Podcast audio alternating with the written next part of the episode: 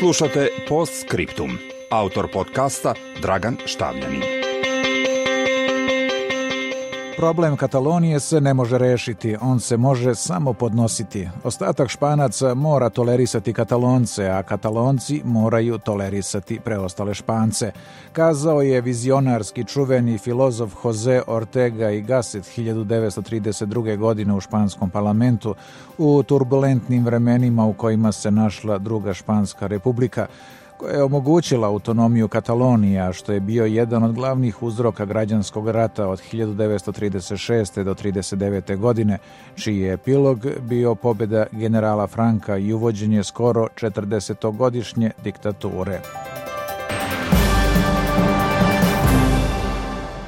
Skoro čitav kasnije pitanje položaja Katalonije ponovo potresa Španiju, a vlasti u Madridu očito nisu izvukle nikakvu pouku iz proročanskog stava Ortega i Gaseta, koji u današnjim okolnostima znači da se moraju i tekako uvažavati specifičnosti i interesi Katalonije, te da je jedini način da se očuva jedinstvo zemlje davanje izuzetno visokog nivoa autonomije ovoj regiji, a ne njeno smanjivanje, što je vlada Marijana Rahoja učinila 2010. godine, te zaklanjanje iza zakona koji je u ovakvim okolnostima isprazna forma jer ne odražava stanje na terenu. Zvanični Madrid insistira na ustavu koji definiše Španiju kao nedeljivu zemlju, te navodi da suverenitet pripada španskom narodu, što znači da referendum može organizovati jedino centralna vlast, a u slučaju zahteva Katalonije o njenom eventualnom ocepljenju, morali bi da se izjasne svi građani u zemlji.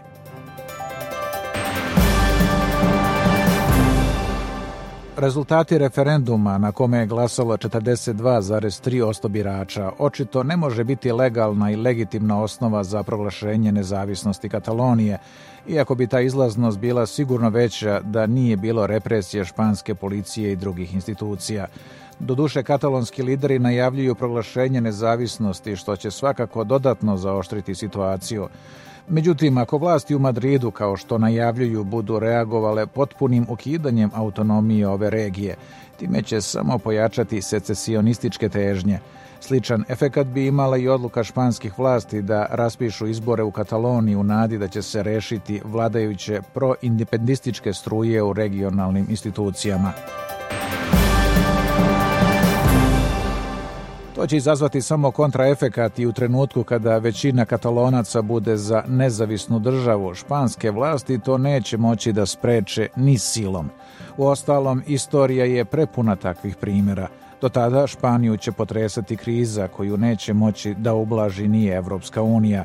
Za razliku od nerešenih etničkih sporova koji se obično definišu kao zamrznuti sukobi poput onih na Kavkazu, ovo bi mogao da postane veoma vreo konflikt i to u srcu Evrope.